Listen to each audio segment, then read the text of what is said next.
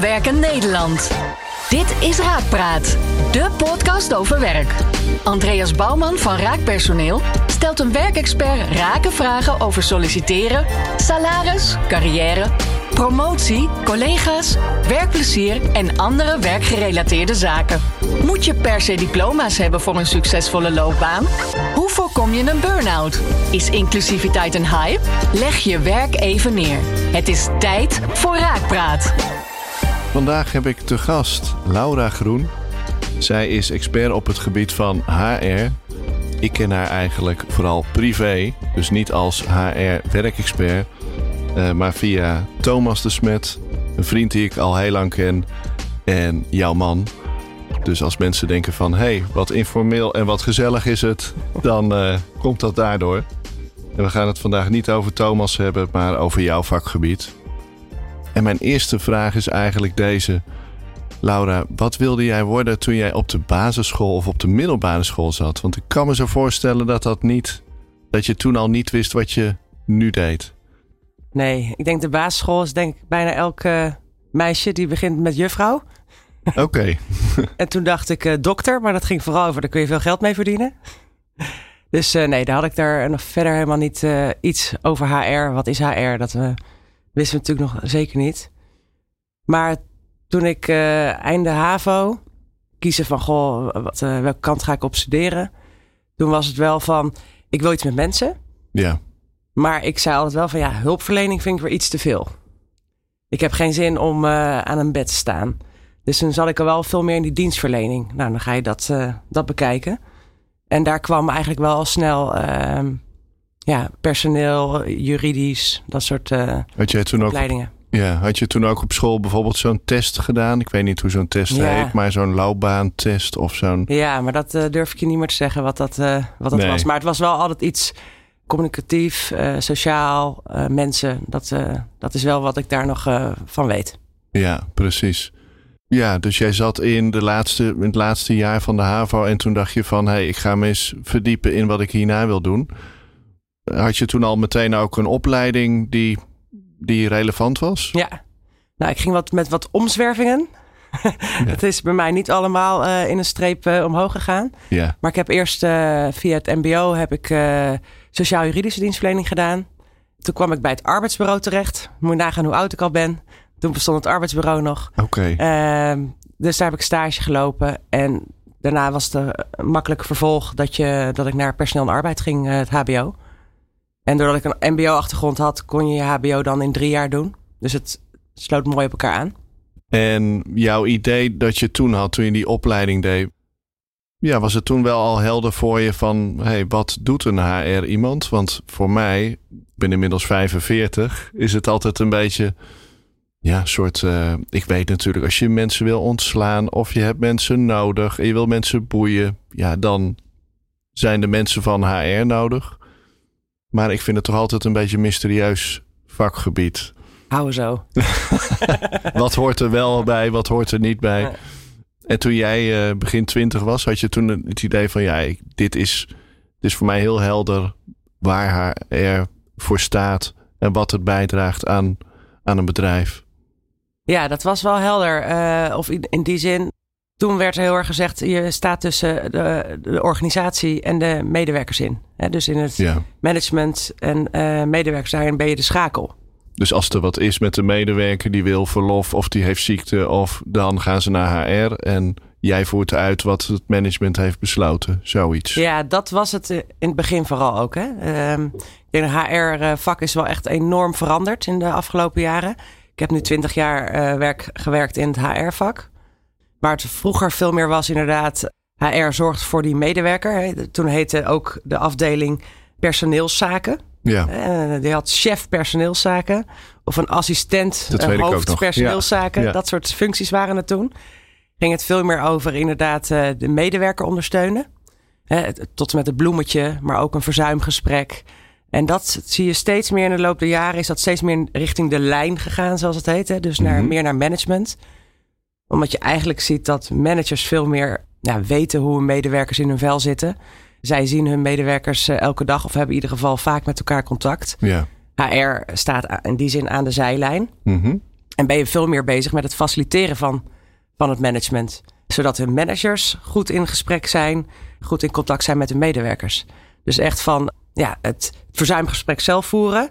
Leidinggevenden helpen van goh, hoe voer je een verzuimgesprek? Mhm. Wat is de wet en regelgeving daaromtrent? Zodat die leidinggevende zelf aan de slag kan uh, met die medewerker. Zo is het eigenlijk nu de loop der jaren gegaan. En ben je meer de sparringpartner voor een uh, leidinggevende. Ja, klinkt logisch inderdaad. Dat je die leidinggevende die inderdaad gewoon die persoon kent, de tools geeft om goed te luisteren en in te springen op, uh, nou ja, op behoeften die dan die medewerker heeft. En ik kan me nog herinneren dat jij in het begin, hè, toen ik jou net ontmoette, toen was je ook vooral bij ja, echt productiebedrijven en zo uh, heb je gewerkt. Hè? De HEMA, Albert Heijn geloof ik. Ja, klopt. Als ik het goed heb.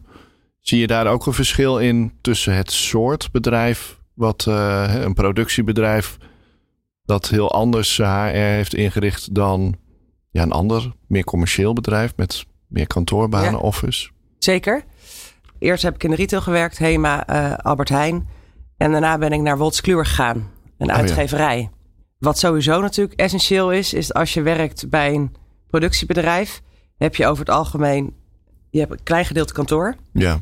en een groot gedeelte productie. Mm -hmm. En uh, dat is altijd de eeuwige dis discussie. Hè? Um, ja, we zijn zo verschillend en we willen gelijk behandeld worden. Wat mij betreft zijn we niet hetzelfde. En als je dat gewoon met elkaar helder hebt, het is gewoon een ander vakgebied. Of je de hele dag op een werkvloer, productievloer staat. Je kunt niet thuiswerken. Nee. Dus ja, het is logisch dat je nu voor kantoormensen het hybride werk hebt ingericht.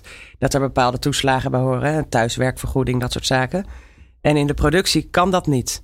Ja, dan kunnen we wel zeggen, ja, dat is niet gelijk. Nee, maar dat is het ook niet. Maar dat is het ook niet. Nee. En qua En- ontwikkeling van, van de mensen, want ik kan me voorstellen als je, even hard gezegd, aan de lopende band eh, dingen staat in te pakken. Ja, zijn je ontwikkelingsperspectief is wat minder dan als jij in een kantoorfunctie, eh, nou ja, op de marketingafdeling of op de verkoop zit of wat dan ook. Ja.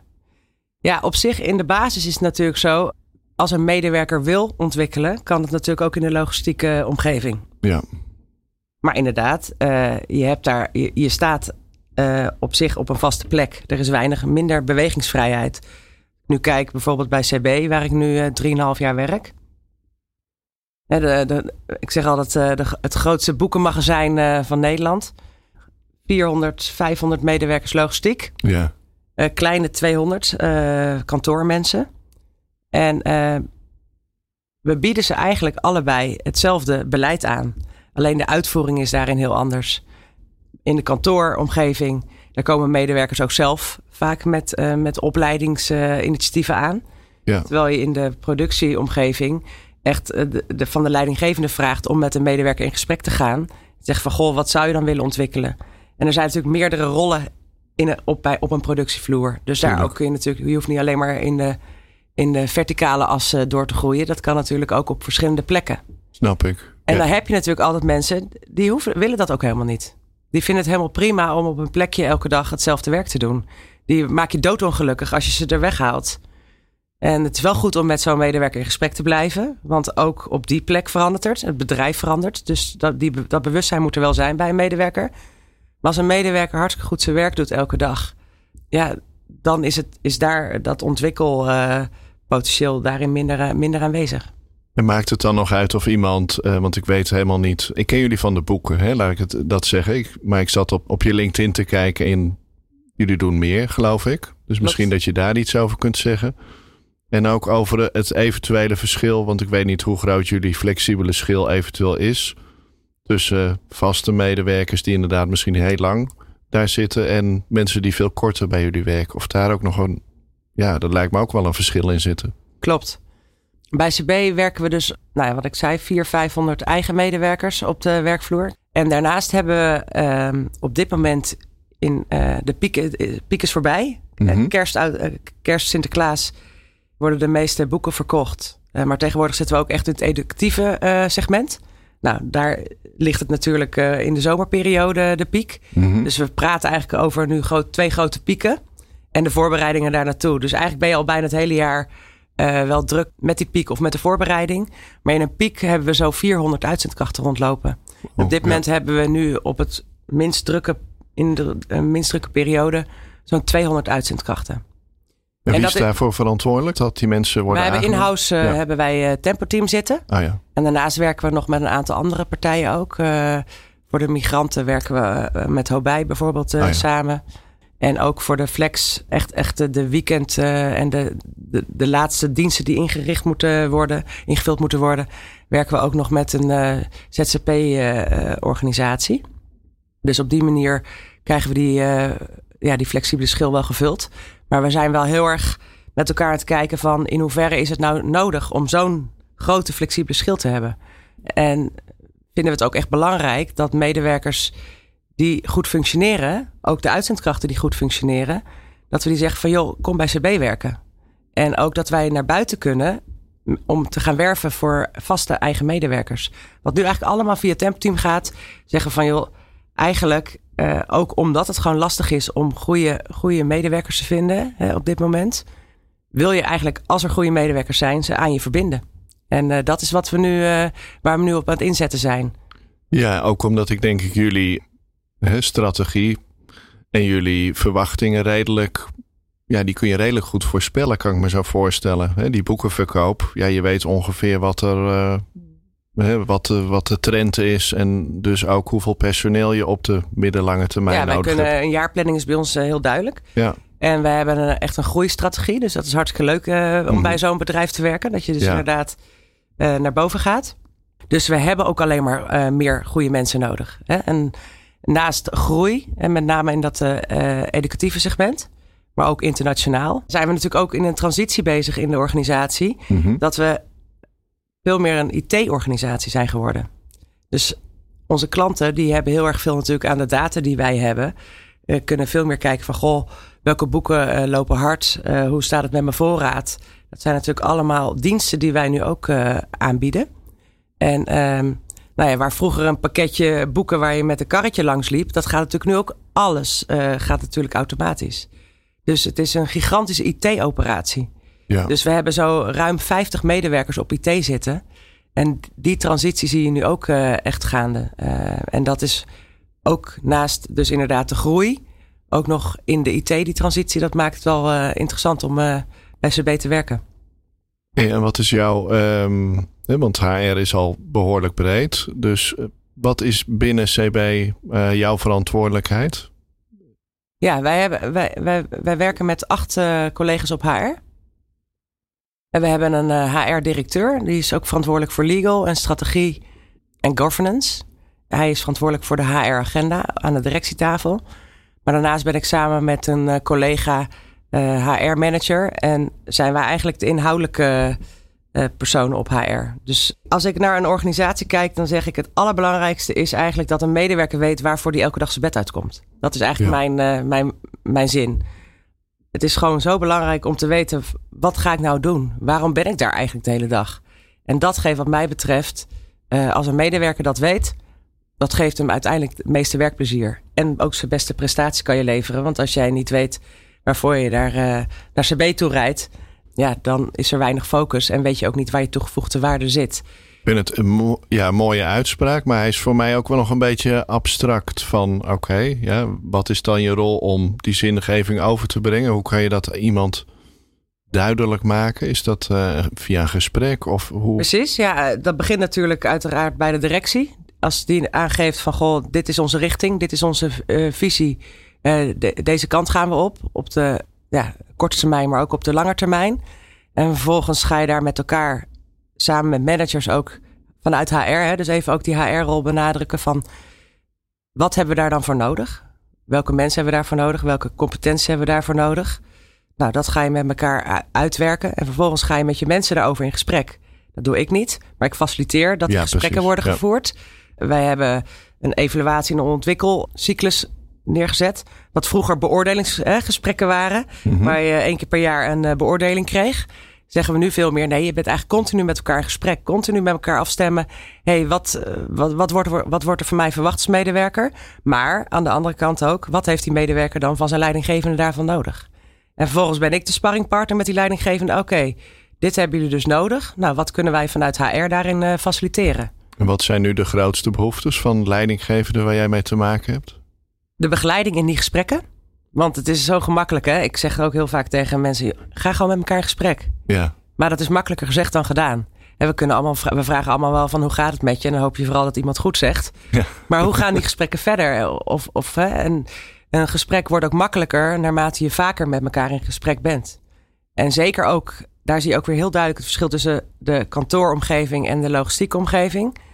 Bij kantoor kun je makkelijk even zeggen: joh, pak even een kopje koffie. We gaan even, even met elkaar zitten. ja. Dat kan niet. Eh, eh, je werk gaat gewoon door in de logistiek. Je moet het plannen. Dan ja. moet je het of plannen. Ja. Maar je kunt ook prima met elkaar eh, op de werkvloer even een praatje maken. Want het gaat er niet om dat er urenlang gesprekken worden gevoerd, notities worden gemaakt. Maar even dat de chatmoment even met elkaar van goh, hoe sta je er vandaag bij? Goh, ik zie dat je er wat moe bij staat. Ja. Dat zijn natuurlijk al signalen die een leidinggevende moet kunnen oppakken.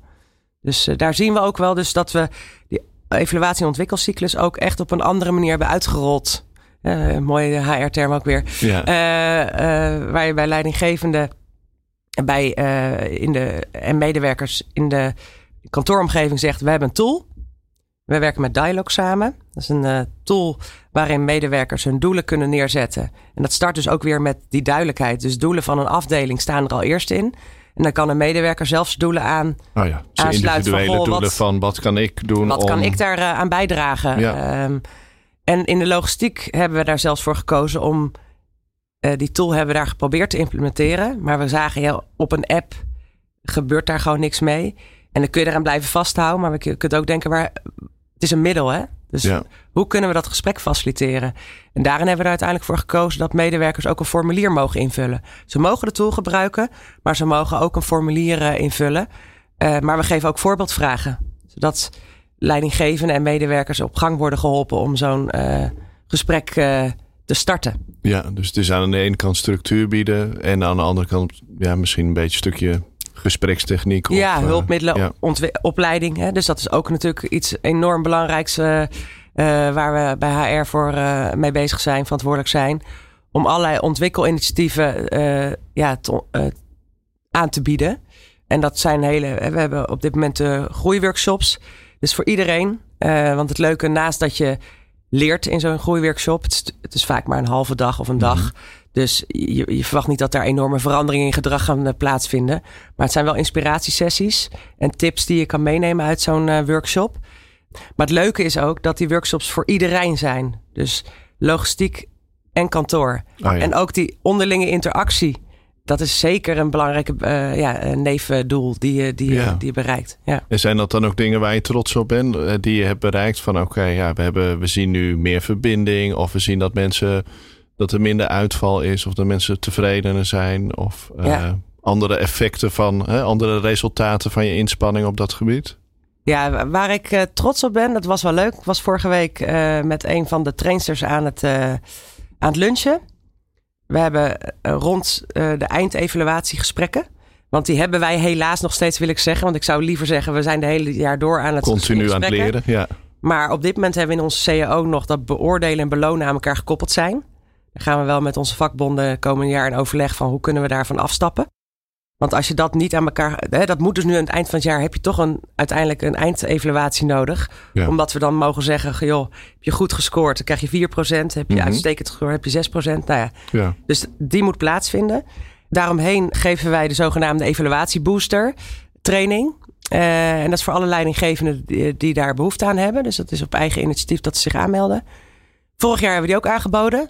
En toen zei de trainer, ik moest, moest echt nog eigenlijk aangeven waarom dit nou zo belangrijk is. En nu zaten daar alle, alle leidinggevenden die zich hadden aangemeld. Ze kwamen ook, dus dat is één. ja. Ze waren er ook allemaal. Ja. En twee, ze hoeft ook niet meer uit te leggen waarom het was. Ze snapte nu echt wel dat het zo belangrijk is om in gesprek te zijn. Aandacht voor de medewerker is gewoon essentieel. Waar je vroeger alleen maar zei, die klant is belangrijk. Nu zeggen vooral, als die medewerker maar zich ja, plezier heeft in zijn werk. Werkgeluk hè, is ook zo'n Ja. thema wat je veel eh, in de social media en, eh, Zeker. eh, ja. langs ziet komen. Maar als dat er is, dan is die Komt de medewerker... rest ook. Komt ja. de rest ook. Is de aandacht voor je eigen collega er, dan is er ook voor de klant. En dan is het uiteindelijk ook. Is dat allemaal, hè, bijvoorbeeld AFAS vind ik daar een mooi voorbeeld van, die er natuurlijk al heel lang nou ja, grote aandacht voor hebben. En dat ook delen in de sociale media. Ja.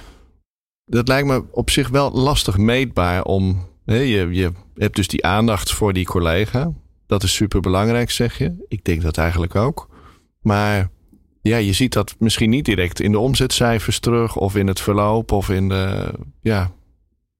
Hoe krijg je dan toch zover dat management denkt van ja, dat is belangrijk dat we continu die aandacht hebben voor die medewerkers? Ze ervaren het zelf. Ja. Toen we nog niet op deze manier de ontwikkel-evaluatiecyclus hadden geïmplementeerd, waren het vooral gesprekken op eenrichtingsverkeer. Zowel leidinggevenden als medewerkers zeggen: joh, we hebben nu echt een dialoog met elkaar.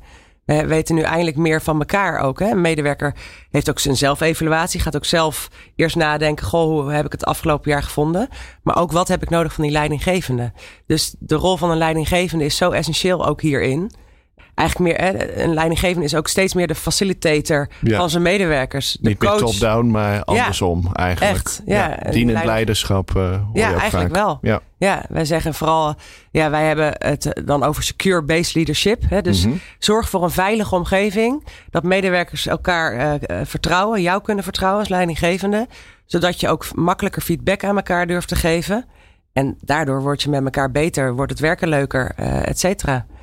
En als je, hè, wat voor ontwikkeling zie je? Of wat zou je graag nog willen veranderen bij in je vakgebied? Want je zei al dat je van die beoordelingsgesprekken misschien af zou willen. Nou ja, dan vraag ik me trouwens af. Ja, ik snap op zich ook wel dat mensen beoordeeld worden. En dat degene die heel goed presteren, dat die een wat hogere beloning krijgen dan degene die de kantjes ervan afloopt. Dus om daar nog eerst even op in te zoomen, waarom zou je daar eigenlijk van af willen? Ik vind het belangrijk dat medewerkers horen hoe een leidinggevende zegt van goh, hoe het gaat. Hè? Dat ehm, moet niet afhangen van dat ene gesprek. Hmm. Eigenlijk als, als je een goed project hebt gehad, dan moet je op dat moment zeggen van goh, een topproject gedraaid. Maar En niet een half jaar later. Ja. Ja. en soms wat je gewoon ziet, en dat is natuurlijk logisch, je onthoudt vooral wat er de afgelopen maanden is gebeurd. Als jij in januari een topproject hebt gedraaid, dat is in december alweer vergeten. ja. Als je in december dan de beloningen hebt. Ja, dan eh, is het dat je als medewerker zegt: Ja, ik heb toen toch ook nog zo'n mooi project gedraaid. Ja, maar de afgelopen paar maanden is dit, dit, dit, ja. gebeurd. Hmm. Hè, dus nou, eh, je moet inderdaad op het moment suprem. Moet je er ook aandacht voor hebben. En dat hoeft niet in beloning te zitten. Hè. Uiteindelijk is beloning waardering. Dat is belangrijk voor medewerkers. Ik vergeet nooit meer mijn allermooiste bonus. Ik eh, heb hele mooie bonus in, de af, in mijn afgelopen jaren gehad eh, bij de verschillende werkgevers. Maar mijn allermooiste bonus was: ga eens hartstikke goed uit eten met je man. Oh, gaaf. Dat ja. was eh, de bonus. En we, ik- het is een beleving geweest. Het is een super lekker, een goede, gezellige avond geweest. Ja. En die onthoud ik. Maar vooral inderdaad, ga gewoon kei duur of kei goed uit eten. Dat, Ja. dat heb je verdiend. Dat is de waardering. En dan kun je 20.000 euro op je bankrekening hebben gestort gekregen. Dat ook gaaf, hè? Ja. Maar dat is, Ja. dat, is, eh, dat is iets anders. Dus Ja. dat- daarom zeg ik van, goh, belonen, beoordelen hoeft niet aan elkaar ja, te je zitten. onthoudt het je hele leven waarschijnlijk. Precies. Ja. Wat ik wel vind, is dat toegevoegde waarde moet worden beloond. Daar ben ik Ja. met je eens. Dus het kan inderdaad zijn dat de ene medewerker meer verdient dan de ander. Maar niet omdat hij elk jaar maar weer, net zoals eh, de rest, een 4% krijgt. En eh, we kabbelen door tot aan de max en dat Ja. is het. Nee, medewerkers die echt extra toegevoegde waarde leveren. En dat is wel een onderwerp wat we bij eh, CB verder moeten ontwikkelen. Mooi. We Ja. werken nu best wel nog in een ouderwets functiehuisgebouw. Ja. En ik merk ook dat dat een beetje gaat wringen. Dat, eh, dat medewerkers daar ook van zeggen van... hé, hey, ik zit nu al een jaar in mijn max. Nou, bij sommige medewerkers kan ik daar ook met droge ogen gewoon? zeggen van... Ja. maar je doet een prima job. Maar dit is het ook. Ja. Maar medewerkers die continu aangeven... goh, ik heb extra een rol erbij... of ik, hè, ik, ik doe extra zaken. Ik geef echt extra toegevoegde waarde. Daar moeten we wel naar kijken. Eh, Interessant. ja. ja. Ja. dat is ook natuurlijk een ontwikkeling die je ziet. ja, zeker. Eh, Laura, je hebt het over employer branding. Ehm nou, daar zijn we bij Raak eh, ook al jaren eigenlijk mee bezig. En bij ons begon dat van, oké, waar staan we nou eigenlijk voor bij Raak? Hè? Wat zijn onze kernwaarden? Bij ons is dat, zijn dat de drie geworden. Eerlijk, eigenzinnig en dichtbij. Maar dat is uiteraard voor ieder bedrijf anders. Is dat bij jullie ook het startpunt geweest? Van, hey, waar staan we als CB voor? Ja, inderdaad. Ik denk dat het allerbelangrijkste is. Je moet eh, eerst weten waar je als bedrijf voor staat. eh, ehm, wat, je, wat je USP's zijn. Hè? Eh, waarom is het nou zo leuk om bij CB te werken? Eh, wat, is je, ja, wat is er inderdaad ook het, nou ja, die unieke selling points. Om vervolgens ook dat ook intern geregeld te hebben. Om daar ook mee naar buiten te kunnen. Het, het ergste is natuurlijk als je employer brand allemaal fantastisch is. En er mag natuurlijk een bepaalde ambitie in zitten wat mij betreft. Ja. Uh, maar het kan niet zo zijn dat een medewerker zich daar helemaal niet in herkent. we zijn inderdaad gestart met interviews met medewerkers. Om inderdaad ook op te halen van goh, wat het projectteam uh, vanuit marketing en communicatie marketing, communicatie en HR. Hebben jullie dat intern allemaal gedaan? Of was ja, dit hebben we eh, intern, maar we hebben inderdaad ook een, eh, een, een partij met wie we dat uh, samen doen. En dan zie je dus dat we een bedrijf zijn waar mensen al heel lang werken, heel loyaal zijn, trots zijn. Kwamen de, die woorden die er dan hè, in eerste instantie uit de interviews kwamen, is dat dan ook de basis geweest van nou ja, wat je dan uiteindelijk terugziet? Wij hebben toen sessies gehad en daar kwamen ja, de, gewoon heel simpel kwamen daar uiteindelijk allemaal woorden naar voren. En het was heel duidelijk dat sommige woorden, zoals eerlijk en zoals dichtbij, ja, dat die veel meer werden gekozen en door iedereen ook herkend werden van hé, hey, dat zijn wij. Eh, ging dat bij jullie ook een beetje op die manier? Ja, uh, ongeveer wel. We hebben, kijk, we hebben op een gegeven moment ook, wij hadden al kernwaarden en die hebben we ook. Ja. Alleen het lastige is van kernwaarden, uh, het zijn ook nog eens woorden die dat is niet uniek. Nee, dat, uh, containerbegrippen vaak. containerbegrippen. Hè? We hebben samen, verantwoordelijk, mhm. betrouwbaar en klant. Hè? Ik moet natuurlijk klant als eerste zeggen. Maar uh, dat zijn uh, onze kernwaarden. Maar hoe laat je die? Hè? Dus dat is vooral belangrijk. Um, verantwoordelijk gaat met name over... wij voelen ons verantwoordelijk voor onze klant. We voelen ons verantwoordelijk voor onze medewerker. Maar daarnaast ook, ik kan ook verantwoordelijk zijn voor mijn werk eigenaarschap tonen. En dan gaat het inderdaad over die nuance. Is het eigenaarschap? Is het verantwoordelijk? En we zijn ook tegenwoordig is ook heel erg belangrijk voor ons dat we verantwoordelijk zijn voor uh, de maatschappij. Uh, we hebben natuurlijk flink wat vrachtwagens. Uh, dus de, de footprint, ja. duurzaamheid is ook, valt ook onder verantwoordelijkheid. En daar ga je dus op een gegeven moment naar kijken van... goh, welk woord past daar het beste bij? En past uh, ja, dan moet ik dan meteen aan denken. Past klant in de toekomst nog wel als eerste bij de kernwaarde? Of zou het misschien eerder collega zijn? Want ja. Wij kunnen niet zonder die klant. Dus dat, dat, dat, is wel ook wat in top of mind van onze mensen zitten. Iedereen werkt echt elke dag keihard om die klant tevreden te stellen. Maar samen vind ik ook echt een hele belangrijke. We doen het echt samen, ook met onze klant. Want in die zin hè, werken we echt als een soort van coöperatie samen. Mm Uitgevers leggen bij ons hun boeken en vervolgens zorgen wij dat die boeken bij die uh, boekverkoper uh, komen. Als die boekverkoper niet met ons samenwerkt, komen ze niet aan die boeken. Dus hè, we zijn met aan elkaar. Uh, we, we, werken samen. Maar echt samen doe je, doe je job. Dat kan je niet alleen. Dus dat vind ik wel echt een belangrijk thema. En dat past ook heel erg bij CB. Dus dat, samen ook in de zin van... We hebben best wel veel bij CB heel veel families werken. Ja. Uh, buren, uh, iedereen, er is wel ergens een connectie. En dat is natuurlijk ook wel heel mooi. Een soort van familiebedrijf voelt het wel.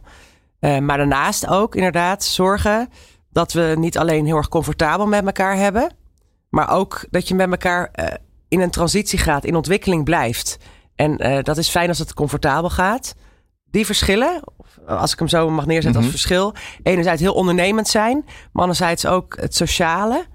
Uh, dat zijn eigenlijk wel twee aspecten die, die beide naar voren komen. En ik denk die ons ja, uniek zou ik ook niet willen zeggen, maar wel bijzonder maken. Ja, onderscheiden van, onderscheiden. van, uh, van heel veel andere bedrijven. Ja. Um, ja, dan is het natuurlijk vaak de vervolgstap van hoe zet je dat dan in de markt? Hoe positioneer je jezelf? Hoe ga je dat uitdragen?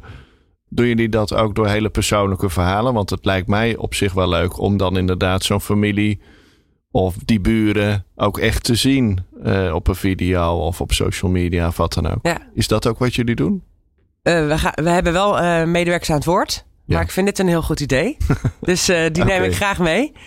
wat dat betreft zijn we veel meer, hè, en dat is ook niet nieuw, maar wij zijn veel meer de laatste tijd bezig met van goh, welke content hebben we nou? Want uiteindelijk is dat natuurlijk het belangrijkste. Het moet natuurlijk wel, we moeten gevonden worden. Uh, en hoe word je gevonden als je eh, leuke content uh, aanbiedt? Ja, ik denk dat heel uh, op ieder platform dat echte content van echte mensen, dat dat steeds meer, nou ja, dat wordt gewaardeerd. En daarmee kan je natuurlijk je eigen verhaal ook het beste ja.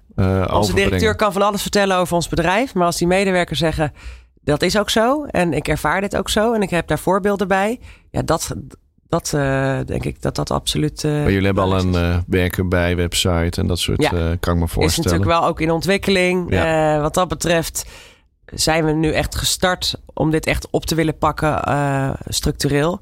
Maar ook dan is het niet af. Hè? Dat blijft ook gewoon doorgaan. Hè? En we zitten nu op het punt dat we hè, kijken van goh welke mooie uh, slogan of wat past er nou bij ons? Welke, nou, wat voor kleuren, maar ook welke foto's. Wat, wat past er nou echt bij ons? Om dat dan vervolgens ook. oké, okay, in die fase zitten jullie, niet, ja. zitten jullie nu. Je zit er nog niet in de fase van: oké, we hebben alles staan en we zijn al bezig met nou ja, wervingscampagnes, zeg maar. Dat heb je Ja, dat gaat natuurlijk wel parallel. Want we hebben op dit moment ook gewoon vacatures. En daar merk je ook al dat we in tussentijd ook al onze vacatures hebben aangepast. Mhm. Ook inderdaad met citaten van een medewerker of Oh, een eh, leidinggevende erin. Zodat je wat meer gevoel krijgt eh, bij een functie. Dus we, we, we lopen parallel. We kunnen niet wachten op, dat, op de lancering van. Ehm, maar je bent nu wel aan het kijken van... goh, als we bijvoorbeeld eh, CB als IT-werkgever willen neerzetten, waar, welke, welke social media kanalen moeten we dan gebruiken? Dus naast een, met een partij die ons helpt van goh, uh, waar staan we nou eigenlijk voor? Zijn we natuurlijk ook bezig vervolgens met van met, met een uh, ja, de mediapartij van goh, welke kanalen waar zit onze nou, doelgroep? Waar zit onze doelgroep? Ja, die zitten eerder bij tweakers uh, dan bijvoorbeeld, ja, precies. Nationale vacaturebank ja. misschien. Ja, ja. precies. Oké. Okay. Ja. Um, nou ja, dat is ook een ongoing proces wat, Ja. uh, wat nooit uh, ophoudt natuurlijk. Maar wel een hele uitdaging naar een IT-partij. Ik kan me voorstellen, ja, dat is ook niet het eerste wat er bij mij nu opkomt. Nee. Dus dat is een hele uitdaging om dat uh, te realiseren. Ja. En denken jullie dat jullie ook nog ja, innovatieve manieren van kennismaken gaat doen? Hè? Wij zijn zelf bezig met VR. Bijvoorbeeld heb je een bril en dan kan je zien hoe de werkplek eruit ziet. Maar ja, je kan ook gewoon uh, kennismakingsdagen of meeloopdagen of zo. Zijn dat ook manieren waar de, hè, hoe jullie in contact komen met kandidaten? Of is het toch vooral gewoon de vacature tekst daarop solliciteren? Ja, we hebben op. Dat is nog wel steeds de meest gebruikelijke manier. Ja. We hebben zeker ook meelopen. Mm -hmm. Uh, ja, potentiële nieuwe medewerkers ook echt heel erg prettig. Um, en vice versa voor ons ook. Hè. Dus uh, zeker, we hebben, want naast, uh, dat is, naast de, de boekenkant hebben we ook nog een healthcare kant. En we zien dus binnen healthcare dat medewerkers die altijd in de zorg hebben gewerkt, die dus aan bedden hebben gestaan, die komen nu uh, op een kantoorwerkplek. Dat heeft natuurlijk zijn voordelen. Je hoeft niet meer in onregelmatigheidsdiensten, et cetera. Maar het is natuurlijk heel iets anders. Ja. Of je de hele dag aan het lopen bent. Of de hele dag achter een, uh, achter een uh, computer zit. Dus dan is het al heel erg goed dat zo'n medewerker in ieder geval ervaart hoe dat is. En in een halve dag kun je dat natuurlijk niet uh, voor een week uitdenken. Maar de eerste indrukken zijn dan in ieder geval wel gemaakt. Ja, ik ben er ook heel erg voor. Dat, ja. dat scheelt zoveel. Want ja, anders heb je iemand die na drie weken zegt... ja, ik vind het eigenlijk toch helemaal niks. Nee. En je krijgt een veel beter beeld van, uh, van het werk. Ja, nou, en uh, rond die logistiek medewerker, wat ik van zei van goh, we willen minder van die, we minder flexibele schil, meer eigen medewerkers, meer echt CB-medewerkers. Daarin uh, ze, hebben we toevallig gisteren een lunch gehad van joh, laten we eens kijken hoe we dat bijvoorbeeld met een speeddate oh, ja. avond kunnen doen. Dus dat je gewoon in drie stappen met elkaar je laat de CB zien. Ehm, je kan snel in een gesprek met een leidinggevende. Om dan ook te zeggen van, goh, uh, dit Zo, is het wel ja. of niet. Dus uh, uiteindelijk merk je toch pas of de klik er is. Hè, een cv zegt iets, hè, zegt iets over je werkverleden. Maar ik zeg altijd, ja, als de kop erop, die erop zit maar goed is... Ja. dan komt de rest vanzelf wel. En ik denk dat dat um, ook wel een verandering is... Uh, die we de afgelopen jaren hebben meegemaakt. Dat cv was echt leidend en je dikke motivatiebrieven. Ja. Ja, je moet dat in dat gesprek uh, moet je kijken van goh, hebben we, uh, uh, ja, hebben we die fit? En vervolgens is het toch ervaren op de werkvloer. Ja, ik geloof dat onderzoek ook aantoont dat een uh, cv weinig voorspellende waarde Ja. heeft uh, hoe iemand uiteindelijk Ja. functioneert. Dus Zeker. helemaal logisch dat jullie die kant op gaan. Ja, zeker. Oké. Nou, het is mij in ieder geval een heel stuk duidelijker geworden wat je doet. Uh, ik weet niet of je nog iets wilde. Nou ja, wat ik wel leuk vind om te vertellen. We zijn dus heel erg ook met HR bezig geweest intern. Hè? Dus uh, hoe, hoe zorgen we voor een uh, goede cultuur, een goede sfeer intern? Ja. Het mooie is bij CB heb je echt loyale mensen tot en met. Enorm trots zijn ze om bij CB te werken. Wat dat betreft is CB, Ja. waar we nu ook echt op aan het focussen zijn, zijn die external branding, de employer brand naar buiten toe. We krijgen op zich, als je het hebt bijvoorbeeld over. Hè, we zijn natuurlijk super bekend in de, in de mediamarkt. Dus op het moment eh, dat eh, ik een accountmanager voor onze educatieve eh, afdelingen heb, krijgen we 50 sollicitanten. Ja, En iedereen kent elkaar ook. Hè? Mhm. Dus een klein, heel klein wereldje. Maar bijvoorbeeld IT. Ik wil echt dat we ons veel meer gaan profileren als IT-werkgever. ja. En wat zijn wij nou leuker dan een, een groot IT-consultancybureau? Dat wil ik graag benadrukken. En dat is, als ik daar gelijk antwoord op geef. Bij ons ben je geen nummer. Bij ons ben je gewoon een van de drie data-analisten.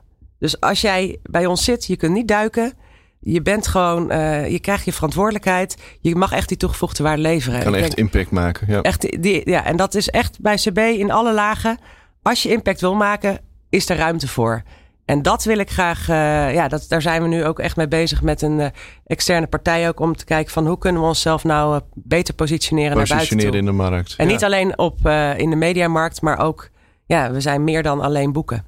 Ja, eh, nou, dat ja. lijkt me een hele flinke uitdaging. Want Ja. dat, eh, ja, dat is een aardige transitie.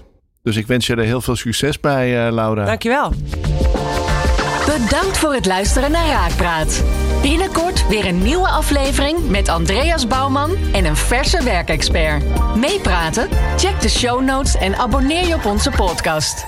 Werk ze!